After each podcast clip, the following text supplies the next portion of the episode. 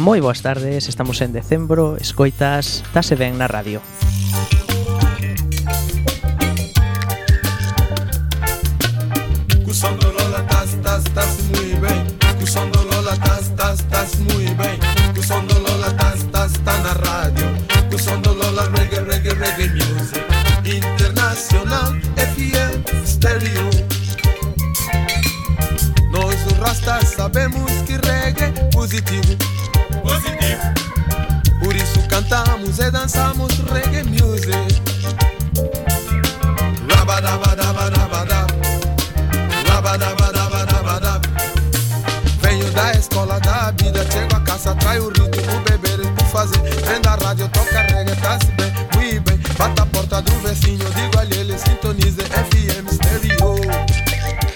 Comezamos decembro, último mes do ano, e non só do ano, senón tamén da década, o que quizáis o fai un pouco máis asustador.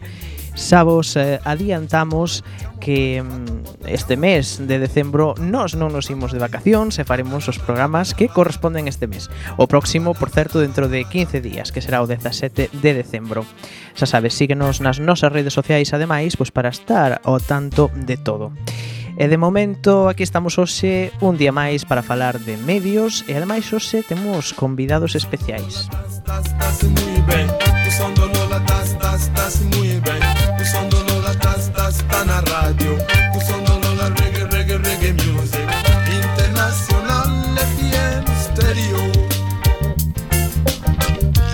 Rasta sabemos que reggae é positivo. positivo. Por isso cantamos. Say dance some reggae music.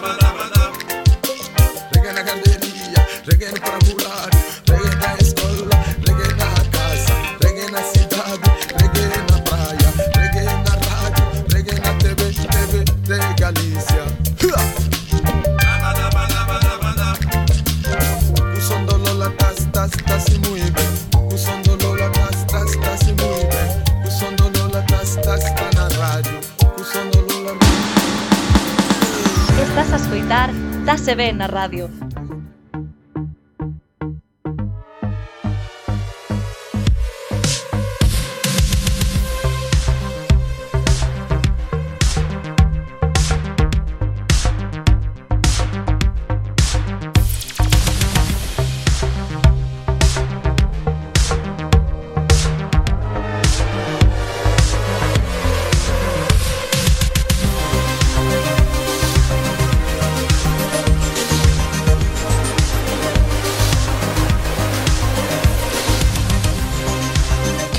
Temos un programa cargado de actualidade Comezaremos repasando a sesión de control a CRTVG que tivo lugar a final de mes E no que se falaron sobre todo de debates electorais e de audiencias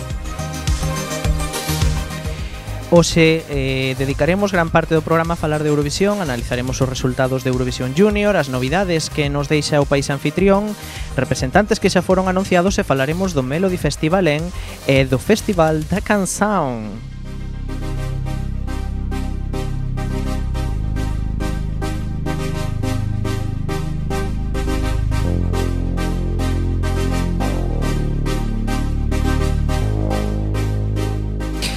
Na nosa sección de actualidade faremos un repaso aos datos do SM e comentaremos a noticia das últimas semanas que afecta a Telecinco. Participa xa neste programa seguíndonos e comentando nas redes sociais co hashtag TBNR. Estamos en Twitter, Facebook e Instagram. Tamén podes usar o WhatsApp ou Telegram da emisora no teléfono 644-737303. 644-737303.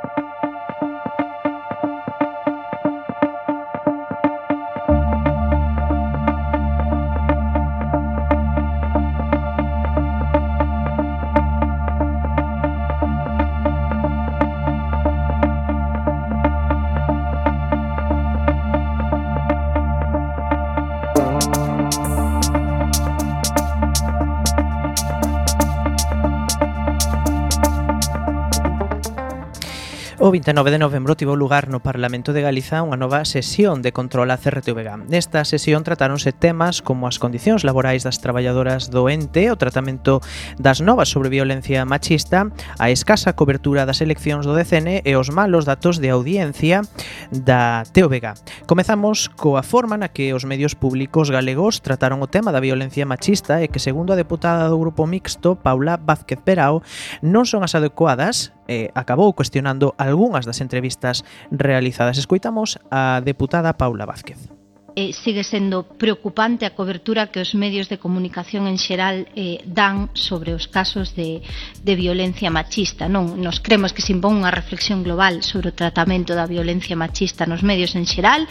Certamente Por unha parte, hai eh, avances, reportaxes de fondo, entrevistas a expertas, debates, eh, mm, pero por outro hai un estancamento, mesmo retroceso, sobre todo no que ten que ver co tratamento, eh, digamos, espectacularizante dos crimes, non? Que manteñen elementos contrarios ás recomendacións que lembramos se cumpliron 15 anos da declaración de Compostela, temos esa referencia aquí no noso país e aínda 15 anos despois, pois non se siguen eses códigos de boas prácticas nos medios eh, o que traemos hoxe, que foi o caso do, do terrible crime de Valga, foi un escándalo de cobertura a nivel global, especialmente nos medios privados, pero tamén en pezas dos medios públicos. Os medios públicos teñen unha responsabilidade meirande, non Chegouse a tal nivel que o día despois do, do asasinato das, das tres mulleres, o Colexio de Psicología de Galicia fixe un chamamento a responsabilidade explícito.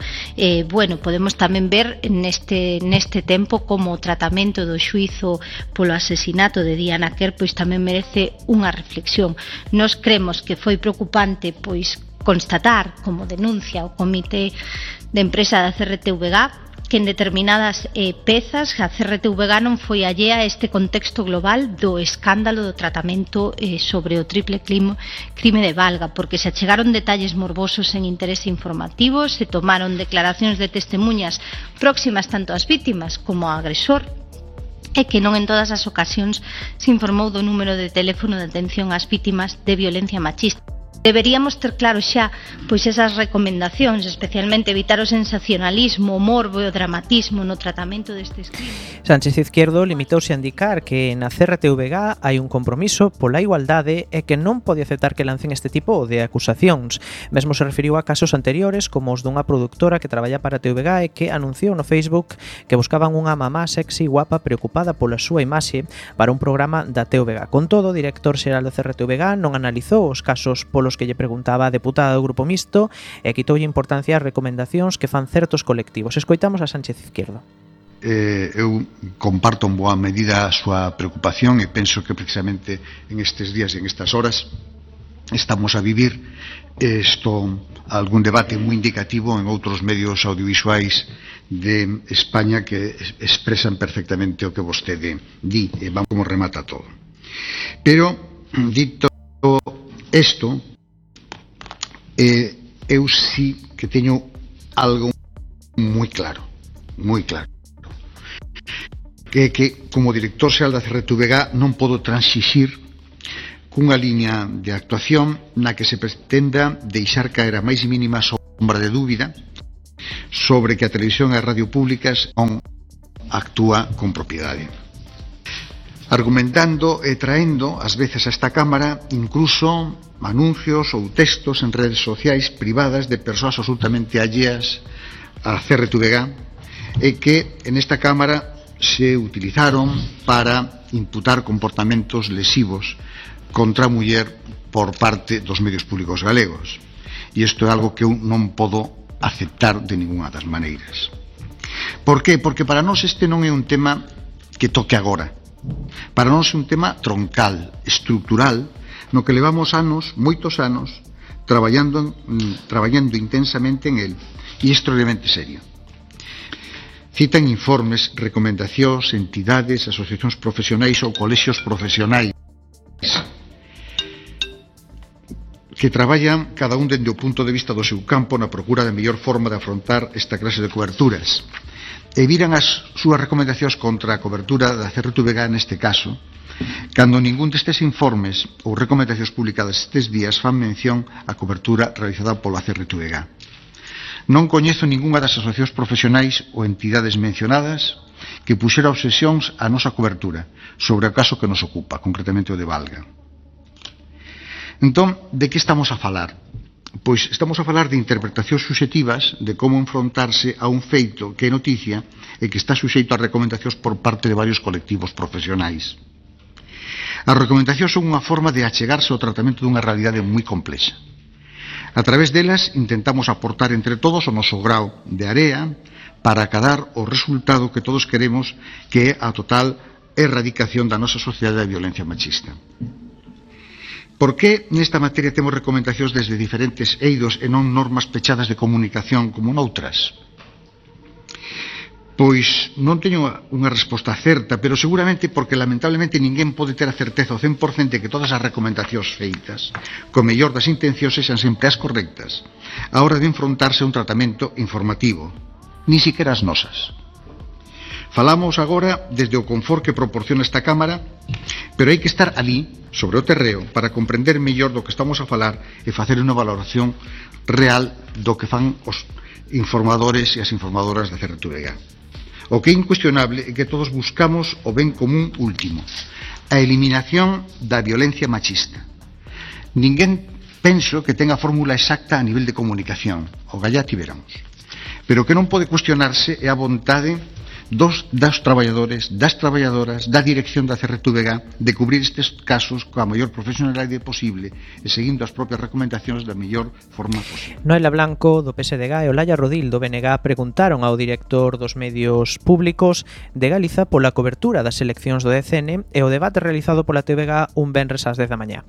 Para Noela, a cobertura da, do 10 por parte do DCN por parte da CRTVG estaba destinada a que a xente non recibise información sobre as eleccións accións e quedaron relegadas a ser un mero trámite para cubrir o expediente. Escoitamos agora a Noela Blanco unha norma que di textualmente que son os principios inspiradores da televisión e da radio públicas a objetividade, a imparcialidade, a veracidade e a neutralidade informativa, así como o reflexo do pluralismo ideolóxico, político, social e cultural que hai en Galicia. Só é necesario prender a televisión ou a radio calquera día para comprobar como temos repetido en numerosas ocasións que estos principios non son os que resen agora mesmo os nosos medios de comunicación. Xerais que fixo a CRTVG nos consideramos que foi unha cobertura reducida mm, prácticamente para cubrir o expediente como soe ser habitual teledirixida dende o despacho do señor Feijó. Hai moi poucos debates na CRTVG, e cando sai son en horas que están alonsadas do prime time ou na TVG2 e sen debate. Moitas veces con contertulios e contertulias que se dan a razón a si sí mesmo que expoñen os mesmos argumentos con diferentes verbas e que se dan a razón a si sí mesmos que en realidad o que fan é darlle a razón ao señor Feijóo. O debate en este caso das eleccións volveu a ser a pesares de, da, das críticas e dos resultados que se obtivo no anterior proceso electoral das Xerais celebrado este mesmo ano un sobes ás 10 da mañá en horario laboral donde os que teñen emprego están traballando e os que non están o, están o buscando nos queremos preguntarlle que audiencia tivo este programa e se considera que esa audiencia eh, foi un, un éxito non? E eu eh, non só se dende o PSDG. Olaria Rodil do BNK comparou os debates eh, doutras teles, televisións públicas e a súa audiencia cos ofrecidos pola galega. Insistiu en que a dirección da CRTVG está a furtarlle a cidadanía galega o seu dereito a ser informada lonxe de quedar mm, desfasados os debates electorais creo que se teñen convertido quizais nun dos puntos máis importantes das campañas electorais nos últimos anos e ademais xa ten sido obxecto eh, de análise e de estudo eh, por parte da academia a importancia, a importancia que, estes, que estes teñen. Nos no BNG denunciámolo xa con motivo da, eh, das, eleccións, eh, das eleccións xerais, das eleccións municipais, das eleccións europeas e outra vez coa repetición electoral deste 10 de novembro volvemos a dicir o, a dicir o mesmo, non? Optar por un eh, único debate electoral, porque este ademais se insira nun programa informativo os vos días eh, que ten un carácter eh, xeral, non? Que non está pensado eh, única e exclusivamente para os procesos electorais, que teña lugar ás 10 da mañá ás 10 da mañá é ter mm, toda a vontade de que non chegue a día. Porque onte cumpríanse 30 anos da estrea de Sempre Xonxa, a Televisión de Galicia tivo a ben reemitir outra vez esa película que hoxe xa está convertida na segunda con máis eh, espectadoras e espectadores da historia do cinema galego, puxeron na Televisión de Galicia na segunda canle ás 12 da noite e que é buscar a maneira de que ninguén vexa nin o cine, nin neste caso os debates electorais, porque, como demostran as cifras oficiais que vostede mesmo remitiu a esta Cámara, poñer un debate electoral ás 10 da mañá o que leva a que apenas o 2,8 da cuota de pantalla que ten a televisión de Galicia o vexa, fronte á realidade pola que optaron, non me cansarei de sinalalo, as demais televisións públicas do eh, Estado español. Non collamos, por exemplo, a televisión catalana TV3 optou por emitir un programa eh, específico, un debate electoral ás 21.55 horas, podemos debater tamén se queren sobre como prime time se vai. Sánchez Izquierdo replicou que a audiencia non se gaña por emitir nun ou noutro horario é que non é unha ciencia exacta. Na súa opinión, a audiencia o que quere ver é aos grandes líderes dos eh, partidos. Por outra parte, votou a culpa da reducida cobertura de CRTVG das eleccións do ECN a que o goberno central as convocase tan apresuradamente. Despois, na súa réplica, eh, Olaya Rodil contestoulle a todas estas eh, a todos estes argumentos e é o que escoitamos a continuación. Grazas, eh, presidente. Eu tres eh, tres consideracións. A primeira é absolutamente falso, pero absolutamente falso que a xente só este interesado nos grandes líderes. Falso. E a prova está nas audiencias que, lle, que eu lle daba ao principio das outras canles autonómicas que territorializaron os seus debates electorais. Vou volver a repetilas. A televisión catalana TV3 21 a 55 horas 30% de cuota de pantalla. ETV 22 30 horas 10,3% de pantalla. Falamos no caso vasco que ten unha poboación semellante Universidade Galega 316.000 persoas. De as cifras de canto foi a cota de pantalla que fixo o debate electoral ás 10 da mañá na televisión de Galicia. Porque eu digo unha cousa, está desprestixiando absolutamente os medios públicos deste país con esa afirmación absolutamente, tomando a todo o mundo, a empezar pola xente que estamos nesta comisión por parvas. Con outra afirmación que dicía vostede, a audiencia non depende de emitir nun horario ou noutro. Isto é un insulto. Cambio Land Rover para as 4 da tarde. Non o cre nin vostede, señor Sánchez Izquierdo. Nin vostede o cre. Entre outras cousas porque existe unha franxa que se chama prime time e quere colarse aí todo quisqui. Dígame a min que o horario e a repartición das distintas franxas horarias non ten a ver nin que a audiencia nin coa eh, venda de espazos eh, publicitarios. Insisto, pasen as súas estrelas de ouro e os galos dos, gobo, dos eh, ovos de ouro ás 4 da tarde. Non, vamos, non o cre ninguén. E logo unha cuestión que eu, mm, compensa un debate que non ve prácticamente ninguén e remito os datos oficiais que deu vostede nesta Cámara con motivo das eleccións de abril, 2,8 de cota de pantalla. Compensan ou pretenden intentarnos facer crer que compensan iso con emitir nunha franxa, nunha canle que aínda ten menos audiencia que a primeira que remitir ás 11 menos cuarto, un Benres competindo co Luar na primeira canle na televisión Galicia 2. De chiste. E que a xente vaya á páxina web. Eu volvo outra vez co mesmo. Non é que se negue espazo ás forzas políticas, senón que se lle furta dun dereito fundamental ao conxunto da sociedade deste país, que merece ten dereito poder contrastar no horario no que poden encender a televisión e sentarse no sofá da súa casa, despois de traballar toda unha xornada de traballo, poder sentarse a contrastar puntos de vista, distintas propostas, distintos programas e, sobre todo, verlle a cara a quen van votar a quen van votar. Porque por moito que creamos que o sistema político é outro, aquí non hai un sistema político presidencialista, sino que estamos nunha, eh, nunha república no de momento, non, nun sistema parlamentario e votamos as persoas que se presentan en cada unha das circunscripcións. Volvo pedirlle os datos de audiencia, de os datos de audiencia Sempre fai o mesmo. Para finalizar, Noela Blanco do PSDG preguntou a Alfonso Sánchez Izquierdo polos malos datos de audiencia eh, da radio e televisión públicas, recordando que a TVG dentro das autonómicas sitúase en cuarta posición en cota de audiencia. Escoitamos a Noela Blanco. Estamos moi alarmados por a dramática caída das audiencias da CRTVG. Nos relacionámola directamente con esa manipulación informativa que levamos denunciado xunto cos traballadores e as traballadoras da CRTVG dende hai máis dun ano e medio. Tamén por ese sensacionalismo excesivo do que temos traído numerosas preguntas tamén a esta Cámara e por unha programación deficiente que non cumpre cos estándares de calidade. Unha programación, eh, unha grella, coa que nos concluímos que os galegos e as galegas non se sinten identificados, non se sinten reflexados. Mire, cando vostede tomou posesión en xuño de 2009, había unha cota de pantalla na TVG do 14,1% en prime time do 14,8. Vían o telexornal de Galicia Noticias 170.000 persoas. O TX1 206.000. Claro que houbo moitos cambios. Houbo un posicionamento por parte da dirección, como temos tamén denunciado en moitas ocasións, de sectarismo, de sectarismo político, de falta de pluralismo dentro dos propios profesionais da CRTVG. Co nomeamento do novo equipo de faturas de redacción a TVG, datos de suño do 17. Cota de pantalla 10,6. Falamos do ano 2017.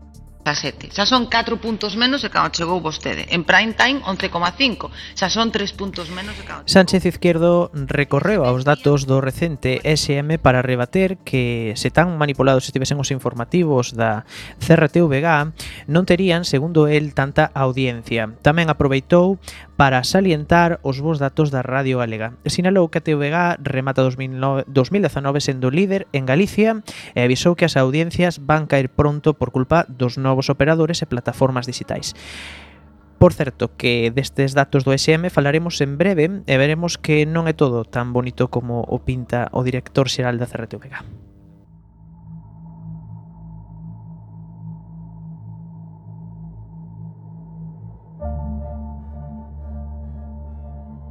Oh, but the fire is so delightful.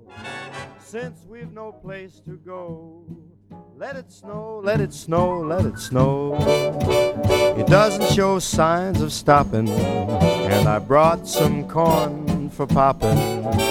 The lights are turned down low. Let it snow, let it snow, let it snow. When we finally kiss goodnight, how I'll hate going out in the storm. But if you'll really hold me tight, all the way home I'll be warm. The fire is slowly dying, and my dear, we're still goodbying. As long as you love me so, let it snow, let it snow, let it snow.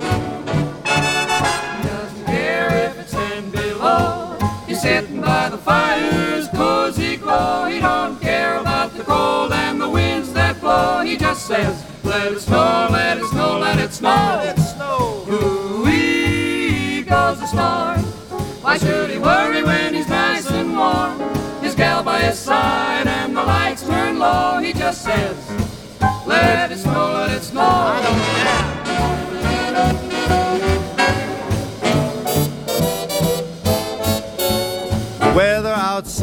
Is frightful, but that fire is mm, delightful. Since we've no place to go, let it snow, let it snow, let it snow. It doesn't show signs of stopping, and I brought lots of corn for popping. The lights are way down low, so let it snow, let it snow, let it snow, let it snow. When we finally say goodnight, how I'll hate going out in the storm. But if you'll only hold me tight, all the way home I'll be warm. The fire is slowly dying, and my dear, we're still goodbye. Long as you love me so, let it snow, let it snow,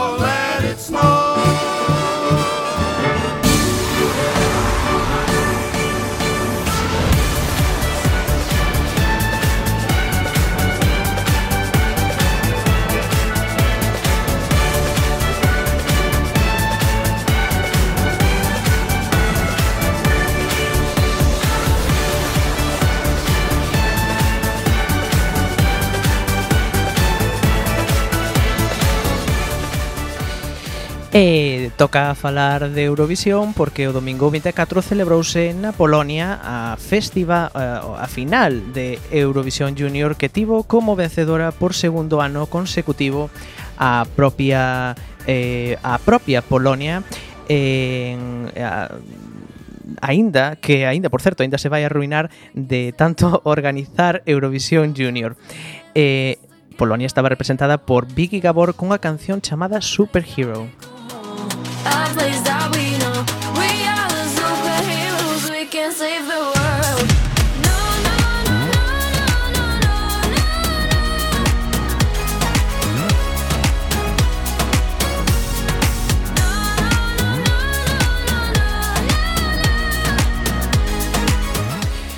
Vicky Gabor conseguiu a primeira posición conseguindo 278 puntos, seguido pola proposta do Kazajstán representada por Yarsin Maxim con 277 puntos. Melanie García, que se representaba a España, eh, conseguiu 212 e acadou a terceira posición. Se seguimos baixando na posición número 16 atopamos a Portugal, Joana Almeida, que conseguiu 43 puntos eh, para falar de todos estes eh, resultados temos con nos a Nuno. Uh, moito boa tarde, Nuno. Boa tarde. Boa tarde. Uh, Nuno, eh, obrigado por atender a nosa chamada. Nuno é editor xefe e administrador do site scportugal.pt, unha web especializada en Eurovisión que se actualiza diariamente e que vos recomendamos. Eh, décimo sexta posición para Portugal na Eurovisión Junior. Como valorades vos este resultado, Nuno? Uh, sinceramente já estávamos um pouco à espera do, do resultado que íamos, que íamos ter, mesmo assim podemos considerar que foi o nosso melhor resultado no Festival da Eurovisão Júnior. Portugal nunca tinha ficado acima do penúltimo ou antepenúltimo lugar. Desta vez ficámos em quarta, contado o fim, mas sinceramente era um resultado que já estávamos à espera. Ajá. Um, que, que, que vos parece o staging que preparou a, RT, a RTP para a Joana, que foi unha, algo moi criticado nas redes sociais? Eu acho que foi, foi evidente a todos, porque foi um grande espetáculo que vimos na, na Polónia. Tivemos países já a apostar muito bem na parte cénica da, das atuações, como por exemplo Espanha. Espanha apostou imenso na, na, na concretização final da, da atuação, enquanto que Portugal baseou-se no mais simples que podia haver umas simples mudanças de cores nos palcos, claro. uh, umas frases soltas em, em inglês e uma roupa que também ficou assim um bocadinho a desejar, tendo em conta a temática da canção ou até mesmo o contexto do, do concurso. Era um concurso infantil e estávamos assim um bocadinho quase contra a maré e uhum. refletiu-se no, no, resultado final, infelizmente. Quizás quedou um pouco simples demais, não?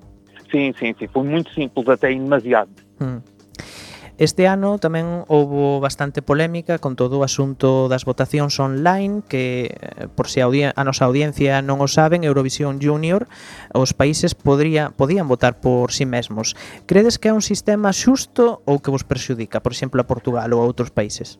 Eu acho que este ano até nos ajudou, porque assim, a pontuação de Portugal, os 43 pontos que nós tivemos, foram todos do público. Nós ficámos a zeros no júri pelo segundo ano consecutivo. E é assim, Portugal, apesar de ser um país pequenino, e a comparar com outros países no, no Festival da Eurovisão, ainda conseguimos ter uma comunidade de fãs muito ativa e conseguiu votar na nossa proposta, que é também uma das novidades do Festival da Eurovisão Júnior, é que podemos votar na nossa própria canção. Além disso, com a entrada de Espanha este ano no Festival da Eurovisão Júnior, tivemos o triplo dos votos que tivemos no ano passado. Uhum. Se é um sistema justo ou injusto, eu acho que não há o sistema perfeito. Hum. Nesse caso, da votação online, por um lado ajudou, porque muitos países estavam fora do Festival da Eurovisão Júnior por causa do sistema do televoto, que faz alguns encargos para a, próxima, para a própria emissora comprar as linhas telefónicas para a votação e o Festival da Eurovisão Júnior tem uma audiência muito pequena a comparar hum. para o Festival da Eurovisão dos grandes. Por outro lado, essa votação vai sempre ajudar os grandes países, que foi, por exemplo, a Polónia, que é o país que tem mais audiência no Festival da Eurovisão Júnior, ganhou pelo segundo ano consecutivo graças à votação do público. Mm. Pero aí, bueno, aí nese caso, eh, digamos que eh, a cantidade de votos está en relación con coa audiencia. Quero sim, sim, porque que... temos sempre a possibilidade de votar no nosso próprio país, apesar de temos de votar sempre em 3, 4 ou 5 países. Mas se um país tem, por exemplo, a Polónia, que teve uma audiência acima dos 5 milhões, foi ali uma enchente de votos, como se viu nos resultados da votação, da votação online. Uhum. Mira que imos escoitar agora.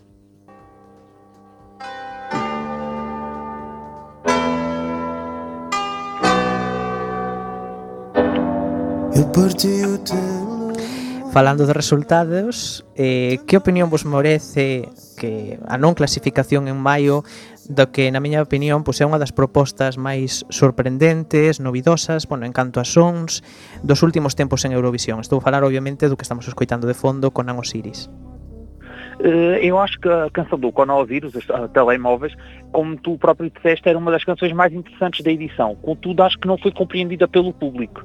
Para já era uma canção em português, apesar de ter assim uns ritmos asiáticos, até um pouco não português, a canção foi pouco compreendida em palco e se calhar podemos até relacionar com a atuação da Joana no Festival da Eurovisão Júnior. Uh, ju- Julgou-se muito pelo seguro, julgou-se muito pela simplicidade e a mensagem do, do Conan não passou para o, para o público europeu. Pelo menos essa é a minha opinião e também muitas das opiniões que tivemos na- nas redes sociais. Uhum. Na altura tamén eh, moitos fans eh, criticaban eh, unha vez máis pois quizáis o desleixo da, da RTP na, na co staging. Crees que tivo algo que ver no resultado iso? Ou que estaba máis ben Eh, axustado tamén co que vimos no Festival da Canção? Sinceramente, não, não sei como é que ali a mensagem poderia passar. A, a canção Os Telemóveis tinha uma mensagem subliminar muito forte e que não podia ser passada em palco, porque até podia, estava um pouco relacionada com a questão de Israel e a Palestina. Porque se virmos bem, as, as atuações todas do Conan, ou as roupas todas que ele utilizou no visual faziam as cores da bandeira da Palestina. E essa mensagem não podia estar evidente porque a EBU não permite a, a mensagem política Uhum. mas eh, vimos uma atuação muito parecida à do Festival da Canção e o Conan, quando ganhou o Festival da Canção, teve um grande boom nas redes sociais e mesmo Sim. na imprensa. No entanto, depois passou, ma passou março, passou abril, passou maio e nunca mais ouvimos falar do, do Conan. Então a novidade esmereceu até que pronto, passámos completamente despercebidos no, no alinhamento final. de facto quería preguntarche por iso precisamente, non? Que cando Telemóveis venceu no Festival da Canción, pois da Canción, pois era unha das favoritas, eh, recebeu moitísimas eh, opinións favoráveis. Mm, que crees que fallou eh, para que este este efecto non se conseguise pois trasladar a, ao palco da Eurovisión? Eu, acho que foi mesmo o que tinha dito anteriormente. Acho que se perdeu um pouco o fator surpresa que o Conan teve quando apareceu no Festival da, da Canção e depois tivemos quase uma repetição em Tel Aviv do que tínhamos visto no Festival da Canção. Não houve assim uma preocupação de, ao longo desses dois meses que separaram o Festival da Canção e o Festival da Eurovisão, de fazer com que o Conan fosse falado. A única vez que se falou do, do Conan nesse intermediário foi quando foi pedido ao cantor português que fizesse um boicote ao Festival da Eurovisão Uhum. Depois disso não, não houve notícias e tudo o que não é falado é esquecido. Uhum. Eh, digamos que eh, credes que a audiencia, iba a decir, foi un pouco inxusta con, con Portugal? De, eh. estou pensando precisamente, estou pensando, perdón, Nuno, eh, en, no 2017 con aquela canción preciosa O Jardín, eh, agora tamén con, con Telemóveis que eh, que era unha proposta totalmente diferente eh, maravillosa mm, algo falla, non?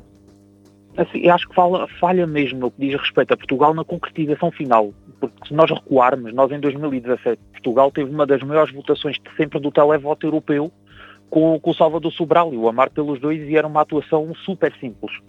Só que naquele ano conseguimos eh, destacar com a simplicidade. Depois, na edição realizada em Lisboa, depois de todas as grandes atuações que tivemos, a nossa pecou por ser demasiado simples. E ao final de 25 ou 26 canções, a nossa era apenas mais uma. E Uhum. não conseguiu tocar como tocou, por exemplo, o Amar pelos Dois. Porque temos de pensar em pessoas, por exemplo, na Polónia ou na Rússia, num lote de 26 canções, não vão votar em 26, vão, vão escolher uma ou duas para poder votar. E é difícil, nesse caso, com as atuações que nós temos tido no Festival da Eurovisão, conseguir fazer com que essas pessoas votem em nós ou consigamos destacar-se no lote de- dos participantes. Ujú. Bueno, deixamos de falar de malos resultados, vamos, vamos a ser positivos eh, e falar do futuro non? De, do Festival da Canción 2020. A televisión portuguesa anunciou a principios do mes eh, os compositores e as datas desta 54ª edición do festival. As dúas semifinais serán emitidas o sábado 22 e o 29 de febreiro desde a sede da RTP en Lisboa, mentres que a gran final está previsto para o sábado 7 de marzo nun local aínda por determinar, aínda que se prevé que o evento volva a sair da capital como ocorreu en 2018 e 2019 cando se trasladou a Guimarães e Portimón. E a RTP inventou a Antonio Abelar Piño, Blasted Mechanism, Dino de Santiago, Elisa Rodríguez, Felipe Sambado, Elio Morais, Jimmy P, João Cabrita, Marta Carballo, Mira, Pedro Joia, Rui Pedregal da Cuña, Zores Enxain, Tiago Nacarato e ademais polo concurso Masterclass da Antena 1 entrou Claudio Frank e a través da convocatoria pública eh, Dubio eh, featuring mm, 351. Eh, de todos estes compositores, cal pensas tú, Nuno, que ten máis posibilidades de resultar vencedor? Eu, sinceramente, as últimas edições do Festival da Canção ensinou-me a não criar muitas expectativas com os compositores, porque temos tido uma, se calhar um ponto negativo desse festival, desse, desse novo modelo do Festival da Canção é que muitas vezes os compositores têm os géneros próprios, têm músicas próprias, um género que facilmente identificamos e depois no festival gostam de inventar um pouco e levam a típica canção de festival. Mas se calhar, olhando agora para a lista deste ano, o Dino Santiago, que é um dos cantores do momento em, em Portugal, que também já anunciou que não vai ser ele o intérprete da canção. Que não vai é ser um o daqueles... intérprete. Sim, sim, o Dino Santiago já anunciou que vai ser uma cantora uhum. que vai dar voz à, à sua canção. Eh, por outro lado, também o Tiago Nacarato, que é um cantor que veio do, do Tavoice, do, da penúltima edição do Tavoice, não ganhou, mas foi um dos cantores que mais carreira conseguiu fazer depois da, da participação, que também já anunciou que não vai ser o, o, cantor, são se calhar os dois que têm chamado mais a atenção. Uhum. Por outro lado, o Jimmy P, que é um cantor que tem milhões de visualizações no, no YouTube, já deixou assim, levantou um bocadinho o pano, poderá ser um intérprete do, da canção. Ele normalmente não canta a sol, faz, é basicamente conhecido por ter vários duetos e é esperado que ele cante e não cante a sua canção. Vamos, vamos esperar mesmo para, para ver. Uhum. Eu, de feito, eh, teño marcados na miña lista de posíveis a Dino de Santiago, que estamos escoitando agora de fondo Nova Lisboa, unha canción preciosa, e a Marta Carballo. Crees que estes dous poden sorprender? Eu acho que sim, e sinceramente é daqueles também que têm as maiores expectativas, apesar de ter sempre um bocadinho o pé atrás. A Marta Carvalho, por outro lado, também anunciou que não ia ser a cantora, mas agora já veio desmentir e estamos assim um bocadinho na dúvida se vai ser ou não a, a intérprete da sua canção. Uhum. Mas são dois cantores do momento e isso é de louvar a RTP porque conseguiu trazer os cantores e nesse caso vá os compositores do, do momento de volta ao Festival da Canção, que era algo que já não acontecia há muito tempo. Uhum de todos estes, eh, bueno, xa estábamos comentando, non? É habitual que eh, os compositores do Festival da Canção tamén sexan eles os que cantan ou polo xeral eh, invitan a outras eh, a outras persoas a cantar? A, maioria, agora nos últimos três anos, que é desde que está implementado esse modelo, a maioria dos compositores entrega as canções a outros cantores. Mas tivemos o caso do Conan Osiris, no ano passado, que foi ele o intérprete da sua, da sua própria canção. A Isaura, em 2018, compôs, entregou a canção à Cláudia, mas continua em palco a cantar com ela, mas a grande maioria dos compositores, porque a maioria deles muitas vezes nem são cantores, são mesmo compositores claro. e entregam a, as canções muitas vezes não são cantores muito conhecidos. Esperamos que este ano dê assim uma volta no festival e consigamos ter os cantores conhecidos de volta ao Festival da Canção, que é mesmo o que falta no atual modelo do festival. Hum. Eh, xa para rematar, eh, tendes algunha idea de quen poden ser eh, os cantores escollidos ou algún que vos gustaría vos? Eh, quen, quen credes que pode ter éxito ou que pode gustar tamén fora de Portugal? Eh, agora, sinceramente, os cantores que podemos ver no, no Festival da Canção, e acho que era essa a, a pergunta, uh, estamos assim um bocadinho na dúvida sobre quais é que poderão ser. Uh, há algumas suspeitas, há alguns rumores na, nas redes sociais. Uh, recentemente o Tiago Nacarata anunciou que não ia ser o, o, cantor e que teve muita facilidade na escolha da, da cantora. E logo nas redes sociais surgiram rumores que podia ser Ana Bacalhau, que foi a vocalista do grupo de Olinda, fez bastante sucesso e que agora lançou-se numa carreira a solo e há assim é se calhar a grande suspeita sobre o, o festival, sobre a, um intérprete para o Festival da Canção. A maioria dos cantores escolhe sempre, muitas vezes, cantores que já os acompanham nas suas turnês, ou uh, cantores que fazem cores, ou cantores amadores que estão agora a lançar a sua carreira, Uhum. muitas vezes vão, vão por aí. Olha, o único exemplo que tivemos a um cantor no, no atual modelo do Festival da Canção, como é claro, foi mesmo o Diogo Pissarra que deu voz ao seu, à sua própria canção. foi assim um caso quase único na, na história do, do novo modelo do Festival da Canção. Uhum. Nuno, pois Nuno de scportugal.pt Eh, de verdade, moito obrigado por eh, atender a nosa ah, chamada. Ah, obrigado eu pelo convite. eh, esperamos que podamos volver a falar con vos cando saibamos xa cando podamos escoitar as, eh, as músicas do Festival da Canción, que a verdade eh, temos moita moitas ganas eu especialmente por estes dous que, que decía de Dino de Santiago uh -huh. e Marta Carballo. Vale. Mm, Nuno, moita, moito obrigado. Obrigado eu pelo convite e estamos sempre disponíveis. Moi ben, pois até máis. que tens de sair para acontecer Eu já não vou nem tentar yeah. Se a cidade quer Deixa andar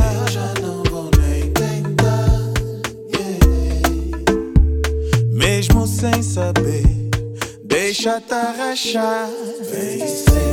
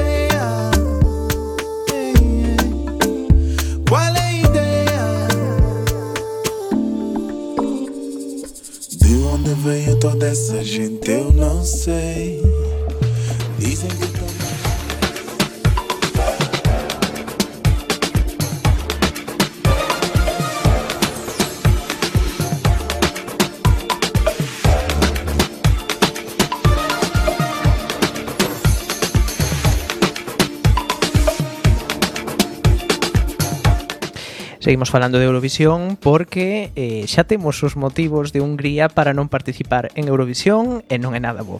A semana pasada anunciamos que Hungría era un dos países que non estarían en Rotterdam 2020. Esta pasada semana puidemos ler en medios de toda Europa supostas racións a razóns desta ausencia. O festival parecelles demasiado gay para as autoridades de extrema dereita da Hungría. Segundo podemos ler no Guardian, a pesar de que non se deu ningunha razón oficial para a retirada, Este paso xorde no medio dun aumento da retórica homófoba en Hungría, onde o primeiro ministro anti-inmigración, anti-inmigración Víctor Orbán, puxo en marcha unha política de primeiro a familia destinada a axudar as familias tradicionais e a impulsar a natalidade. A principios deste ano, o voceiro do Parlamento húngaro comparou a adopción por parellas do mesmo sexo coa pedofilia mentres que un comentarista televisivo pro goberno referiuse a Eurovisión como unha flotilla homosexual e dixo que non participar beneficiaría a saúde mental da nación. Unha fonte dentro da emisora pública húngara MTVA dixo ya o Guardian que aínda que non se comunicou ningún motivo da decisión sobre a retirada do concurso, a suposición entre os empregados era que a Asociación de Eurovisión coa Cultura LGBT, LGBT eh, estaba detrás da medida. Non as declaracións enviadas por correo electrónico a este xornal, a MTVA dixo que en lugar de participar no Festival de Eurovisión en 2020 apoiaremos as valiosas producións creadas directamente polos talentos da música pop húngara. En En anos anteriores, o gañador dun formato chamado de son pasaba a ser a proposta para Eurovisión da Hungría. Este ano o programa continuará, pero o premio será a oportunidade de aparecer en varios medios do país e en festivais. A Unión Europea de Radiodifusión que organiza o evento limitouse a decir que non é raro que os membros da EBU teñan interrupcións na súa participación en Eurovisión e sinalou que a Hungría se ausentou en ocasións anteriores. Non obstante, desde 2011 o país tiña participado todos os anos.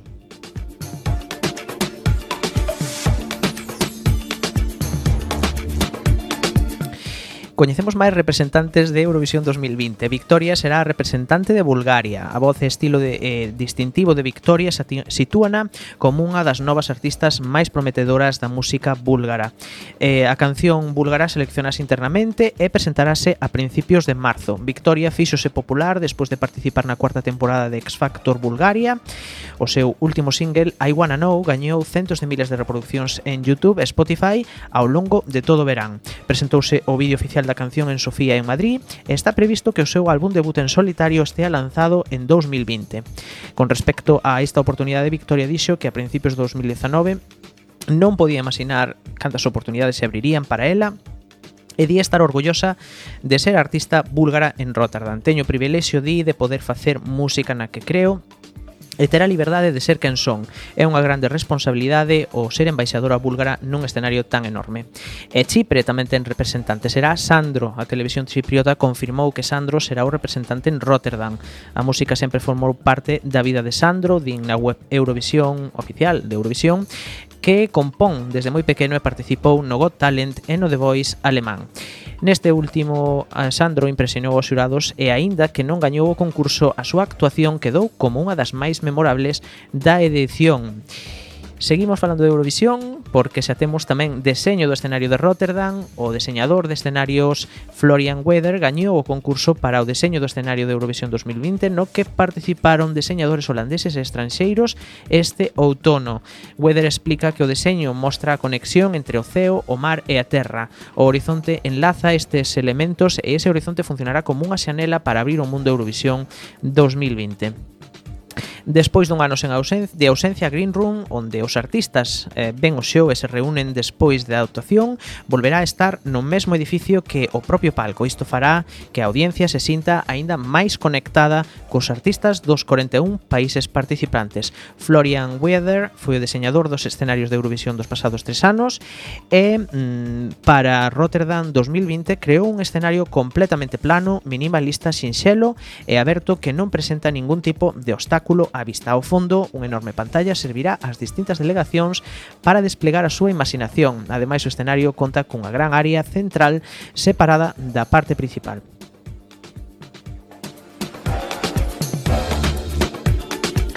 E terminamos falando de Eurovisión porque en Suecia, no Meloi Festival en tamén se presentaron, eh, anunciaron os artistas que van formar parte da edición 2020.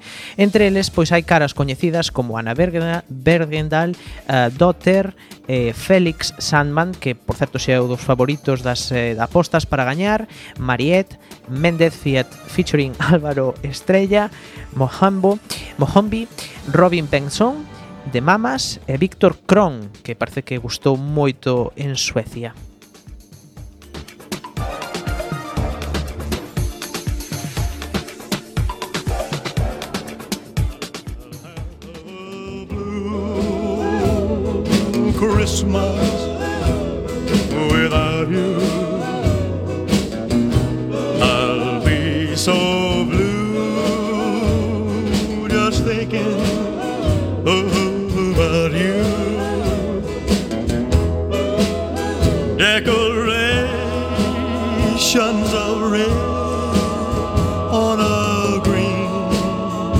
Christmas tree. Won't be the same, dear, if you're not here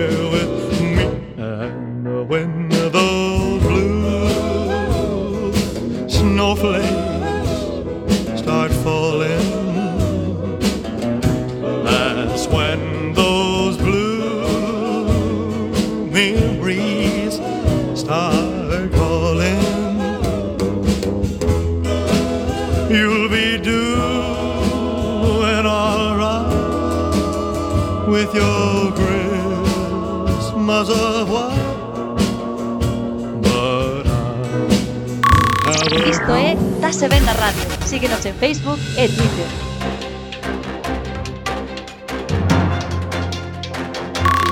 Isto é Da se ve na radio. Síguenos en Facebook e Twitter.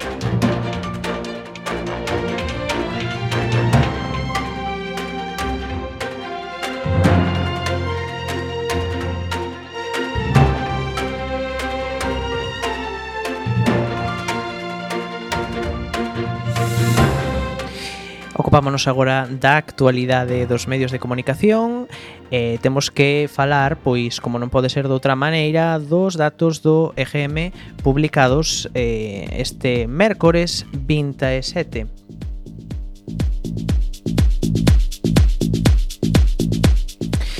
O mércores 27, como dicía, publicouse a terceira entrega do Estudio Xeral de Medios, unha investigación que se iniciou a principios de setembro e finalizou en novembro.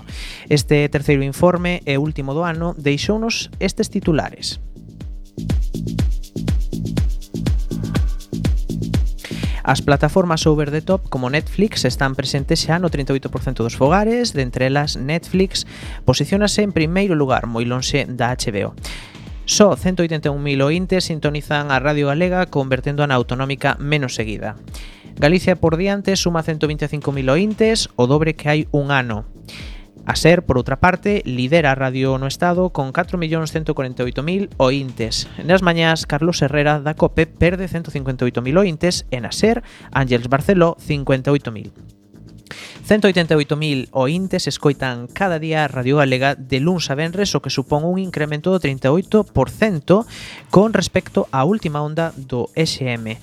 É o sexto mellor dato da historia da Radio Galega. Tamén son históricas as cifras do grupo da emisora públicas Entre a Radio Galega e Radio Galega Música superanse a barreira dos 200.000 ointes, chegando aos 205.000 ointes de luns a venres un incremento do 35% con respecto ao anterior. Estos son datos que ofrece a CRTVG na súa web.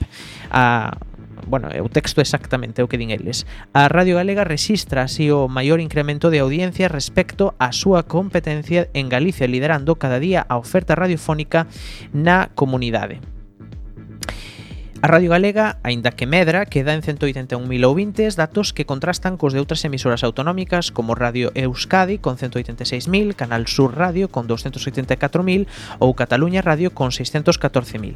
A TVG sendose, segue sendo a canle preferida polos galegos segundo a web da CRTVG. Entre os meses de febreiro e novembro, a Galega foi líder absoluta na nosa comunidade cunha cota de pantalla eh, diarias do 14,3%. Agora ben, hai que ter en conta que Telecinco non participa no SM e esta si é a canle máis vista en Galiza con un 15,9% de share.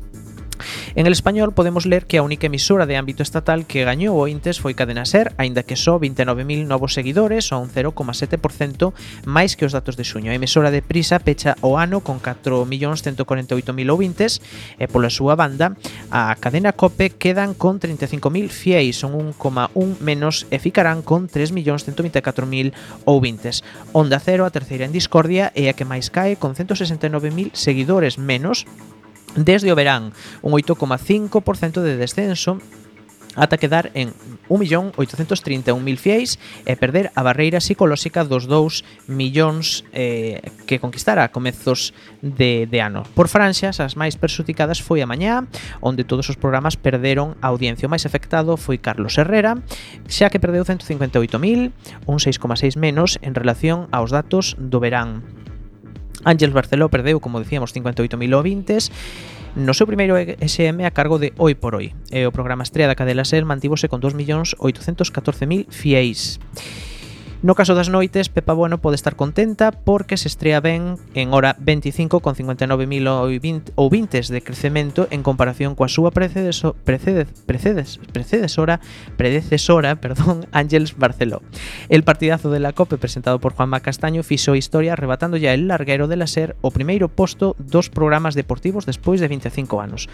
O programa de Castaño pon así fin á hexemonía do programa de Mano Carreño ao chegar a 790.000 ou ointes, mentres que el larguero se mantén en 748.000 ointes a diario. Para rematar, la vida moderna obtén 51.000 ointes, o que confirma unha perda de 18.000 seguidores. E falamos agora de Gran Hermano moi brevemente porque o 19 de novembro o diario digital El Confidencial publicou uns vídeos do derradeiro Gran Hermano de Anónimos aos que tivo acceso. Neste vídeo, Carlota, unha das concursantes, sufre un ataque de ansiedade cando é obrigada a ver eh, en vídeo o suposto abuso sexual do que foi vítima, suceso que está sendo obxeto de proceso judicial. O vídeo foi grabado e realizado, é dicir, montado con varios cambios de cámara e varios planos o sábado eh, 4 de novembro de 2017 no famoso confesionario despois de sacar eh, a José María, o presunto agresor sexual do concurso. Durante o vídeo vese como lle poñen as imaxes e chega a sufrir ataques de ansiedade que levan mesmo a pedir algún calmante. A persoa que estaba eh, de garda ofrecelle a visita da psicóloga que eh, os concursantes teñen a súa disposición e tamén lle recomenda que polo ben de ámbolos dos implicados isto non debe sair dese cuarto. Despois de varios días de silencio, a productora da Canle Zeppelin pide desculpas A produtora e a Canle Zeppelin piden desculpas e di que o programa estuda reforzar a privacidade do confesionario. Ben, a produtora pide disculpas porque Telecinco eh, di nun comunicado que teñen un firme e demostrado compromiso contra todo tipo de abusos e compre lembrar que no caso que está en más da xustiza nun proceso que Mediaset España non é parte ou foi chamada a testificar. Neste comunicado, por outra parte, aproveitan para acusar a 3 Media Dunha campaña de desprestixio, din, as accións de desprestixio están a ser alimentadas inxustamente desde os espazos e programas informativos da Antena 3, La Sexta, Onda Cero e algúns dos seus portais verticais, aos que tamén se une o xornal, razón co que o grupo comparte o grupo co comparte grupo editor.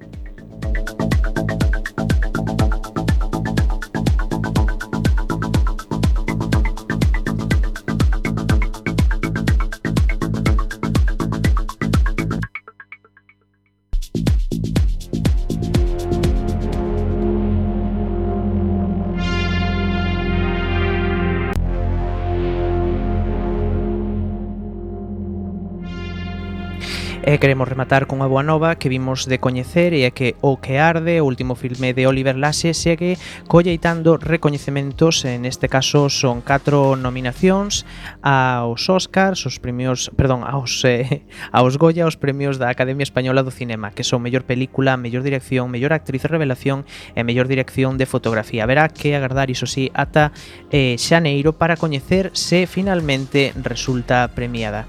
Desde aquí queremos dar moitos parabéns a esta maravillosa película, a todo o seu equipo, e recomendarvos que se non a vistes, corrades a vela ou vos fagades con algunha copia ou algo para poder vela. Eh, nada máis, chegamos ao final do programa ben apurados. Moitas grazas por escoitarnos e eh, vémonos dentro de 14 días. Hasta logo, chao. Estás a escoitar Tase Ben na radio, o programa onde falamos de medios e as súas cousas.